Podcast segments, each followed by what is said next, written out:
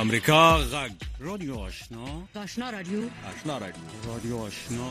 صدای امریکا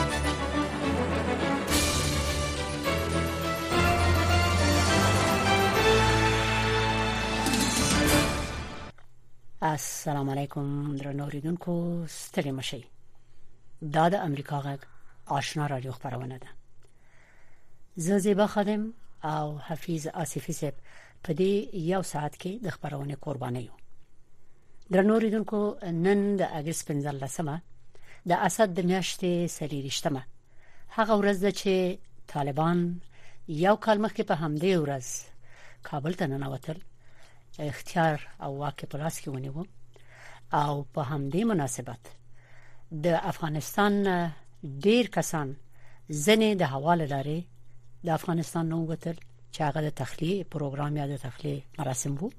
او ځنې نور بیا ورسته د افغانستان نو وتل او په نړۍ کې خارجي ملکونو کې خورواره شول.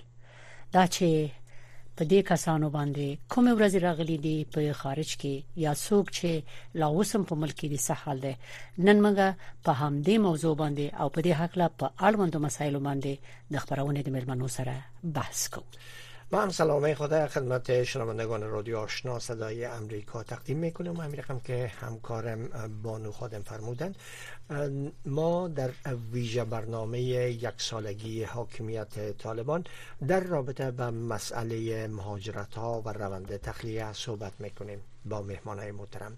مهمان محترم جان جناب آقای شعیب لیلی لالی مسئول کمیته دیدبان دادخواهی مردم افغانستان. جناب آقای صابر زازی فعال امور مهاجران و جناب آقای علی حکمت مسئول انجمن پناهجویان افغان در ترکیه هستند. اما قبل از اینکه مهمانان رو روی خط بگیریم از شما دعوت می‌کنم با تازه ترین خبرهای افغانستان منطقه و جهان گوش بدین که تا این ساعت بر شما تهیه کردیم.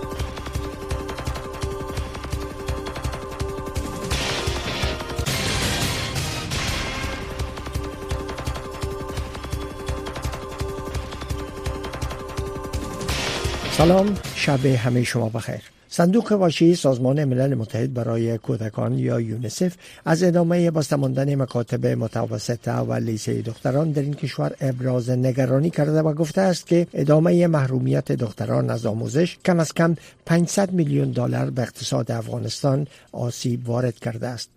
یونسف روز دوشنبه 15 ماه اگست در یک گزارش تحلیلی گفته است که ادامه این وضعیت تاثیر ناگوار بر اقتصاد این کشور خواهد داشت. به گفته یونسف دور نگه داشتن دختران از آموزش 2.5 درصد از تولیدات ناخالص سالانه داخلی افغانستان هزینه دارد. در این گزارش آمده است که اگر سه میلیون دختر بتوانند تحصیلات متوسطه خود را تکمیل کرده و در بازار کار حضور یابند آنان می توانند کم از کم 5.4 میلیون دلار به اقتصاد افغانستان کمک کنند.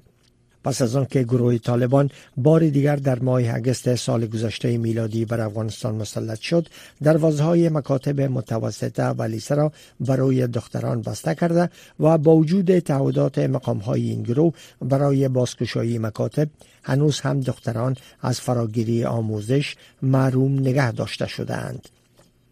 همزمان با یک سالگی سلطه طالبان بر افغانستان یک هیئت ایرانی به کابل سفر کرده و با مقام های طالبان درباره فراهم تسهیلات قنسولی به تجار و حل مشکلات مهاجران افغان در آن کشور بحث و گفتگو کرده است. احمد زیاتکل معاون سخنگوی وزارت خارجه حکومت طالبان ناوقت روز یک شنبه 14 ماه اگست گفت که امیرخان متقی سرپرست این وزارت با علی رضا بگدلی موین وزارت خارجه ایران و هیئت امراش دیدار کرده است. آقای تکل افزوده که آقای متقی در این دیدار بر حل مشکلات قنسولی تجار و مهاجران افغان در آن کشور تاکید کرده و گفته است که ایران باید سهولت های بیشتری را در این بخش ایجاد کند تا از سفر بیشتر افغانها به گونه قاچاق به آن کشور جلوگیری شود. همزمان با یک سالگی حاکمیت طالبان بر افغانستان کمیته بین المللی نجات یا IRC می گوید که بحران بشری و کنونی در این کشور ممکن بیشتر از جنگ 20 سال گذشته در افغانستان قربانی بگیرد. این کمیته بین المللی روز دوشنبه 15 اگست در گزارش گفت که ادامه بحران اقتصادی در این کشور شهروندان آن را به سمت فقر و گرسنگی سوق داده و هشدار داده است که اگر در این مورد اقدامات فوری صورت نگیرد این بحران بیشتر از جنگ های دو دهه اخیر از افغان ها قربانی خواهد گرفت. پس از تسلط طالبان بر افغانستان به تاریخ 15 ماه اگست سال 2021 کمک های خارجی که به حکومت پیشینی کشور فراهم می شد قطع شد ایالات متحده و دیگر کشورهای غربی کم و بیش ده میلیارد دلار سرمایه های افغانستان را منجمد و دسترسی طالبان را به آن قطع کردند اقدامی که وضعیت اقتصادی این کشور جنگ زده را وخیمتر کرد و بر اساس گزارش های اداره های ملل متحد اکنون بیش از نصف جمعیت این کشور با فقر و گرسنگی دست و گریبان شده اند. همزمان با یک سال شدن حاکمیت دوباره طالبان در افغانستان شماری از زنان معترض در کابل در اعتراض به عملکرد حکومت طالبان در برابر زنان در مکانهای سربسته اعتراض کردند. این زنان معترض از نقص حقوق بشر این زنان معترض از نقص حقوق شهروندان افغانستان به ویژه زنان و دختران از سوی حکومت طالبان انتقاد کرده و خواهان رسیدگی جامعه جهانی به مشکلات زنان و دختران در افغانستان شدند. این زنان که خودشان را اعضای گروه همبستگی زنان افغانستان جنبش حمایت از زنان بینوا و جنبش مبارز و پیشگام افغانستان می‌دانند همزمان با یک سالگی حاکمیت طالبان در افغانستان اعتراض کردند. شمار از افغانها دیروز در شهر ویانا پایتخت اتریش به خاطر یک سالگی بازگشت طالبان به قدرت مظاهره کردند.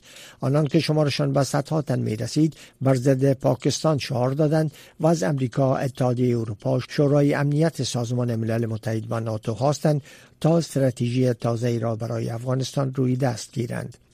اعتراض ها در دو روز گذشته در چند شهر اروپایی به مناسبت یک سال شدن حاکمیت طالبان در افغانستان راه اندازی شد. مقام های طالبان می‌گویند که در نتیجه سرازیر شدن سیلاب ها در پروان و ننگرهار تا کنون 39 نفر در این دولایت جان باخته و بیش از 20 تن دیگر زخمی شدهاند.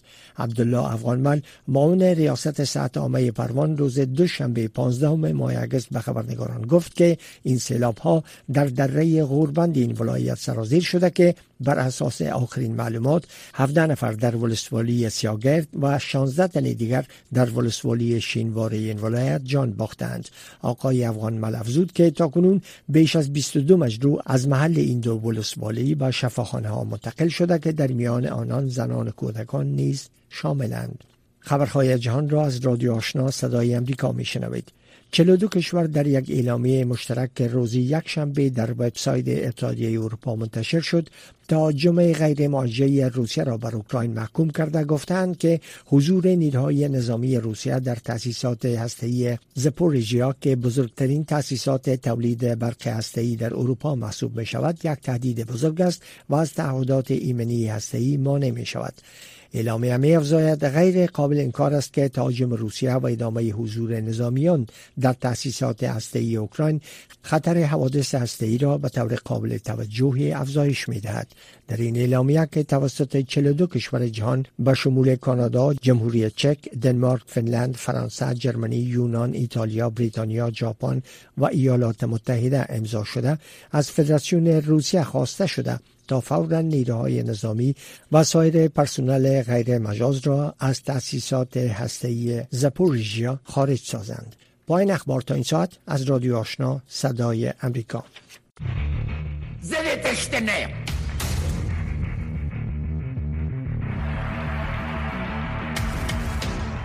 رئیس جمهور پیشین افغانستان افغانستان ترک کرد American troops cannot and should not be fighting in a war and dying in a war that Afghan forces are not willing to fight for themselves.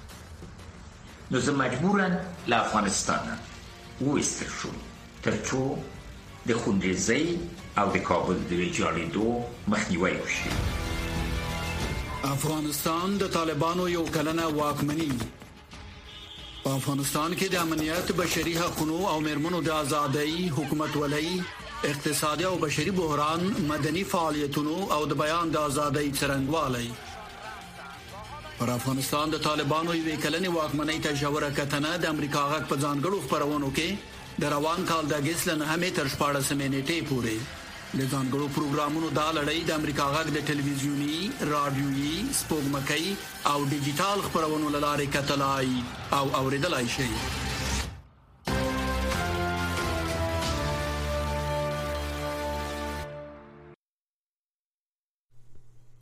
د امریکا غږ آشنا رادیو درنو اوریدونکو بیا هم ستړي مشه په خیر راغلی درنو اوریدونکو د طالبانو د تیر یو کال حکومت داري ټولو اړخونو ته یا زیاتره اړخونو ته د یوې جوړې کتنې په لړ کې یا غور کولو په لړ کې. نن موږ په دنیا کې د افغان مهاجرو پښتونزو او مشکلاتو باندې بحث کوو. ځکه کله چې د اگست په 15مه یعنی یو کال مخکې طالبان کابل ته نه وتل او په کابل خپل قبضه ټینګه کړه. نو ډیر زیات افغانان د افغانستان د تخلیه په پروګرام کې وتل بیا دا غین روسته دا خبرونه هم راغلل چې ډیر نور افغانان زرګونه زرګونه نور په غیر قانوني ډول وتل د ملک نه او په غیر قانوني ډول نورو ملکونو کې ځای په ځای شول. دا چې دوی په دنیا کې اوس په هر ځای کې چې دي څه مشکلات لري یا سہولتونه ورته برابر شي دي په دې باندې غږیږو. او دا ګورو چې په دې مهاجرینو کې یا د افغانانو کې چې زیاتره مسلکی کسان پکې وو د دوی وټلو د ملک نه دغه خپل افغانانو ته په خارج کې څه مشکلات پیښ کړي یا څه سہولتونه لري او په افغانستان کې څه خلاوي منځته راوړي دي. دغه مسلې د مهاجرینو د چارو مسولینو او متخصصینو سره راسپړم بله. این ویژه برنامه یک سالگی حاکمیت طالبان که به مسئله مهاجران و پناهجویان افغان اختصاص یافته ما حفیظ آصفی و همراهی همکارم زیبا خادم گردانندگی می‌کنیم. مهمانای محترم برنامه جناب آقای علی حکمت مسئول انجمن حمایت از پناهجویان افغان در ترکیه و همچنان آقای شعیب لالی مسئول کمیته دیدبان و دادخواهی مردم افغانستان در فدراسیون پناهجویان افغان در اروپا هستند. همچنان لحظات بعد جناب آقای صابر زازی رئیس اجرایی شورای مهاجران اسکاتلند با خود داشتیم. همین لحظه پروژیسر برنامه خانم فرخنده پیمانی میگن که هر دو مهمان محترم روی خط داریم. جناب آقای لالی سلام با شما خوش آمدین. صدای مرا دارین؟ بله صدای شما کاملا روشن است. به شما و به شنونده های عزیز درود مفرستم به تشکر آقای لالی جناب آقای حکمت خوش آمدین. به برنامه تشکر که دعوت ما را پذیرفتین صدای ما را دارین؟ سلامت باشین و من سلام خدا خدمت شما و شنونده های محترم صدای آشنا تقدیم می‌کنم. تشکر همین رقم که در آغاز گفتیم همکارم گفتن این ویژه برنامه را به خروج هزاران تن از افغان ها چی در روند تخلیه؟ به شکل که از همه شاهد بودن سال پیش از میدان هوایی کابل تخلیه کردن افغانستان و چی؟ به شکل غیر قانونی از طرق مختلف. نخست بفرمایین بانو خادم. بله. مننه تاسو چې بیا په نوبت اول ما ترکه علی حکمت صاحب ډیر خوشاله چې خبرونه ترغله ستړي مشي بخیر آمدین مونږ باشین سلامت باشین تشکر شایب لالی صاحب ډیر تشکر کوم چې خبرونه ترغله او موږ غواړو ستاسو نظریات او تحلیلونه وورو د افغان مهاجرو د ستونزو سہولتونو په حق له په دنیا کې. ستړي مشه پروګرام ته. خیر آمدید با درود به شما. سلامت و زنده باشین. تشکر. بفرمایید شروع کنیم به می که بله. یک سال بعد از حاکمیت طالبان در آغاز و تا امروز شمار زیاد هم به کشورهای اروپایی تخلیه شدند. از شما در رابطه با سرنوشت کسایی که در کشورهای مختلف و صورت موقتی جابجا شده بودند تا امروز چی هست؟ نظر شما در یعنی هغه افغانان چې د تخلیه په پروګرام کې وېستل شول مختلفو ملکونو ته. ولېږدول بله. شول. چې دا هغه کسانو چې په افغانستان کې د ناتو د ملکونو سره په یو څنګه کې کار کړي او د ملکونو خپل مسولیت غني چې دی وباسي. نو دا یو استل دي یا په خپل ملکونو کې ځای ځای کړی او یا په یو بل دریم هیواد کې ځای ځای کړی دي چې ترڅو ټول خپل ملکونو ته انتقال کړي مثلا کانادا امریکا جرمنی فرانسه ډیر نور ملکونه. بله. بفرمایید آقای لالی. بازم با درود به شما و شنونده های شما. ممنون. اه، اه، خواهش می‌کنم یقینا که بسیار دردآور است که ما نیروی انسانی را از دست میدیم. یعنی افغانستان با او حالت و وضعیتی که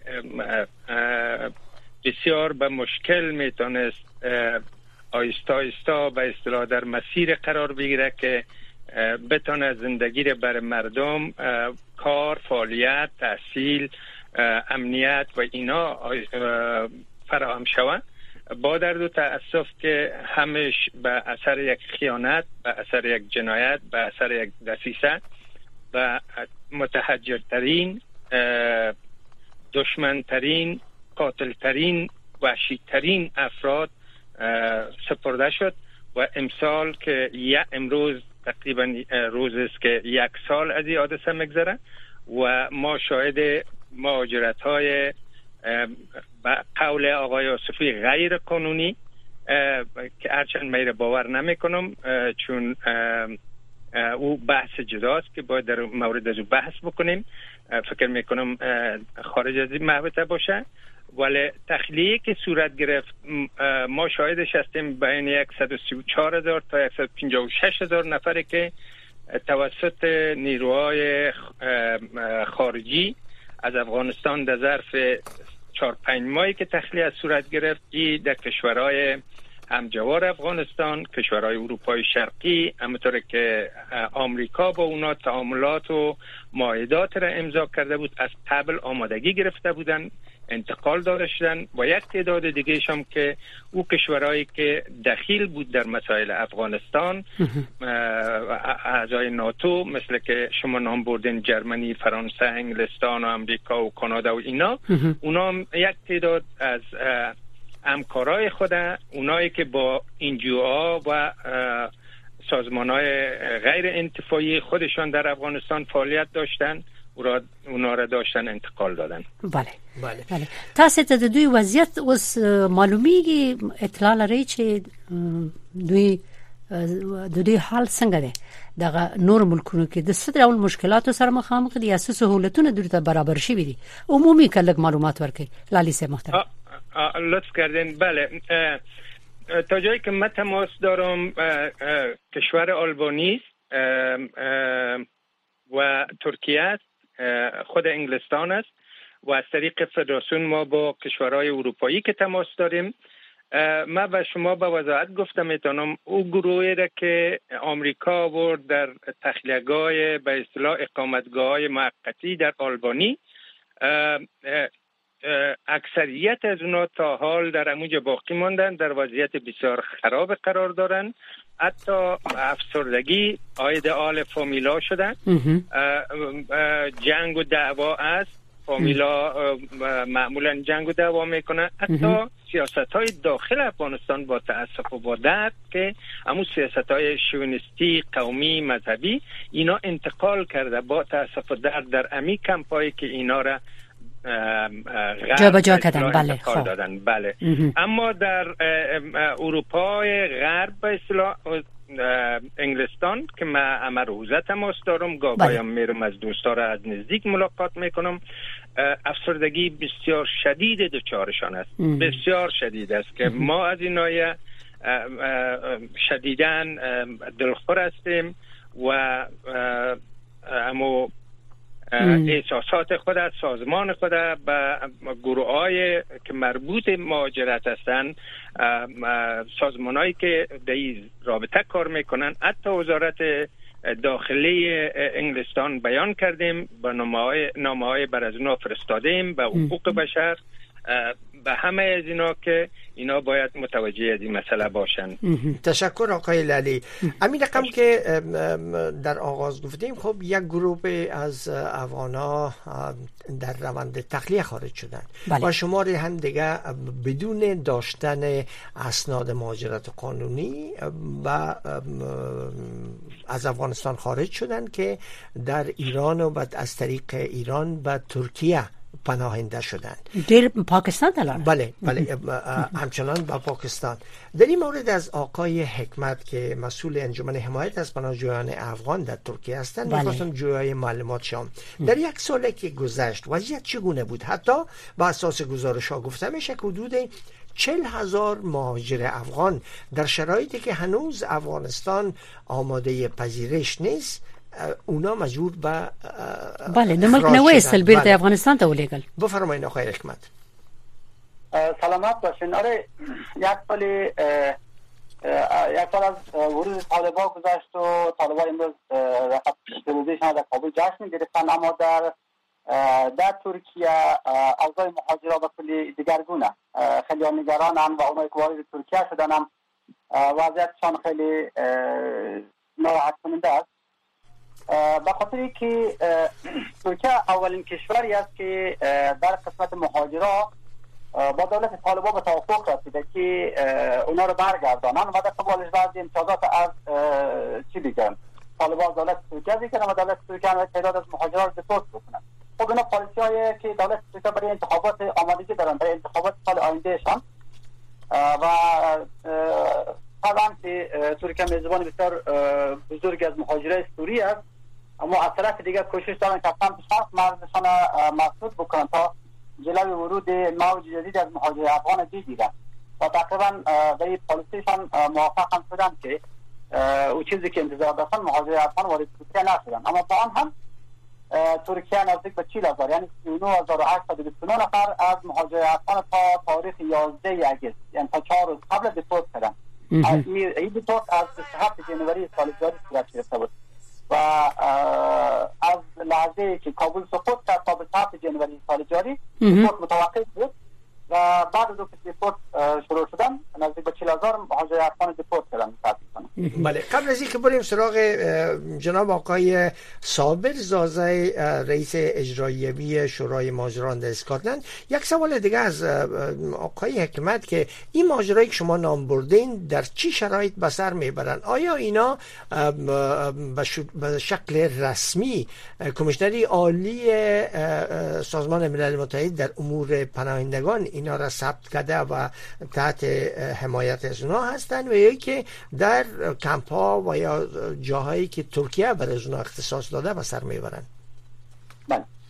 ببینین بعد از ختم سال 2018 دولت ترکیه پالیسی یا سیاست مهاجرتی خود کلا تغییر داد و سیاست طور شد که دست سازمان ملل از موضوع یا از ادارات از امور اجرایی مهاجرا کوتاه کرد و تمام امورات اجرایی خودشان به دست خود گرفتن.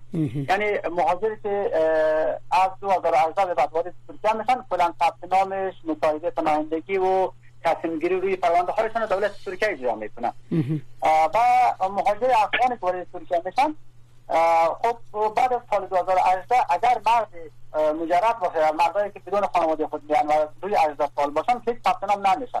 اونا تا مدت که داخل ترکیه هستن اگر دستگیر نشان فلان غیر غیر قانونی زندگی می‌کنن چون ثبت نام نمیشن و کارت اقامت پناهندگی ندارن. و در این صورت از هیچ نوع خدمات دولتی استفاده کردن نمی‌تونن یعنی از شهر به شهر سفر کردن نمی‌تونن خدای نخواسته اگر مریض شون از بیمارستان رفتن نمی‌تونن فرضاً کن که اگر بیمارستان هم برن این میشن بعد از ختم تداویشان اونا را به مرکز دیپورت میفرستن تا دیپورت شون یا مثلا تحصیل کردن نمی‌تونن و از هیچ نوع خدمات دولتی دیگه استفاده نمی‌کنن. علي حکمت صاحب حکمت صاحب محترم هم دلته یو سوال.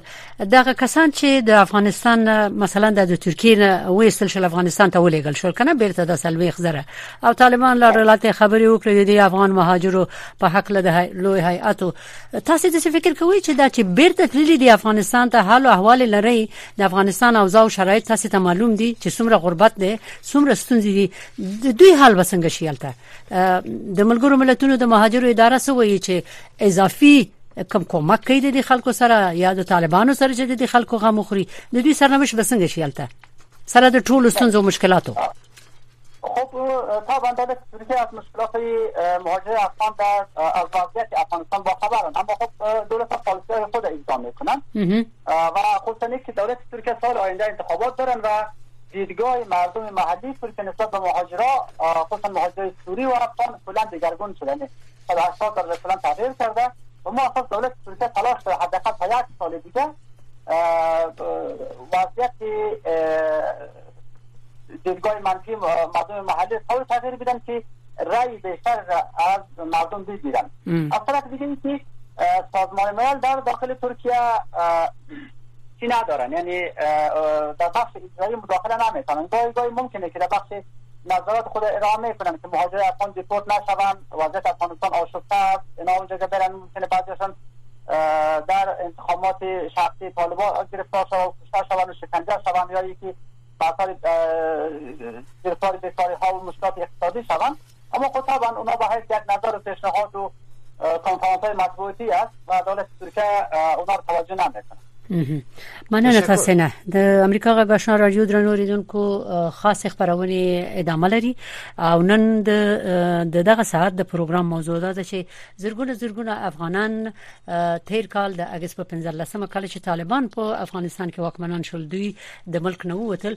البته لارو باندې. یو اماغه ورځ و چې دوی په تیارو کې په هوایي میدانونو نه ووتل چې هغه د کابل هوایي میدانو. او بیا روسه د غینه به سند نور ملکونو ته وتل چې اسناد نه لري مثلا گاونډي ملکونو ته لاړل اروپאי هیوادونو ته لاړل د دوی په سرنوشت غږیږي چې دوی په د خارجي ملکونو کې سهال کې ژوند کوي د مهاجرت د نړیوالو قوانینو په اساس دوی سره سمرسته شي وي او ستونزې لري نو اوس به اسفیزه کساسي اجازه وي په سکاټلند کې د مهاجرینو د شورای اجرایوي رئیس صابر زاده صاحب خو په خیال مې خبرونه ترغله روی خط د نظر بله زاده صاحب غاوري بله. صابر زاده صاحب ستړی مشي مننه خادم. خوش آمدین با برنامه. تشکر. تشکر لطف دارین. خب.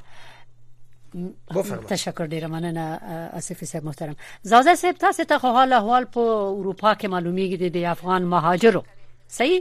د افغان مهاجرو حال او احوال د په عمومي ډول چې ورته وګورئ چې زرګونه زرګونه افغانانو وتل یو خو لاړل دغه د ناتو د ملکونو په تیارو کې ځکه د دوی سره د کسانو کار کړي وو یا انجیوګانو کې وو یا د دوی په پاوس کې کومکونه کړي په هر ساحه کې دا وتل بیا یو ته د نور خپل مثلا وتل چې چا سره سندو چا سره نو نور ملکونو ته لاړل. د ډیرو سرنوشت نه دی معلوم. تاسو فکر کوئ چې دا کسان چې وتلی دي د په قانوني ډول وتلی کنه نور ملکونو ته لیږل شوی دي. دوی څه ستونزې لري یا څه سہولتونه لري؟ د دوی حال تاسو معلوم دی عمومي؟ بله. بله او کله د فنلند یو تاسو یو څه معلومات درکم د یو کې په حساب. یو کې د 2010 کال نه تر نن ورځې پورې درې زره څبان د درې زره کسان د افغانستان وګړي ماجرین راوستل. او دینه بعد چې کله پروس کال اگست کې تغییر غولو په رژیم کې نو 15000 نور کسان هم د افغانستان را وويستل شول. د اپریشن پیټینګ له طریق نه. د هغه نه بعد بیا یو کې یو نوې پروګرام معرفي کړو د ای سی آر اس په نوم او عرب کوم او بدبختانه د دې پروګرامونو د تاریخ نه ډیر کم خلک بیا دلته پناه غوښته ده. ولې چې دا سکیمونه چې دي د سوازي نه دي او منظم نه دي او ډیر مغلق هم دي او دلته پروسم ډیر اسلو ده. د باوجود نور مشکلات چې خلکو ته پیښ شوی هغه د چې دغه لاس 15000 کسان چې راوستل شوی دي یو کال کېږي چې دوی په موقتو ځایونو کې هوټلونو کې هاستلونو کې د سیاوځای کې اچول شوې دي چې هغه د خپل هغه کوم خدمات او حقوق چې یو کې خپل وګړو ته ورکړي د غوی نه دوی محروم دي. او بل دوی د ادغام او کاریابۍ پروسې نه هم محروم دي. ولې چې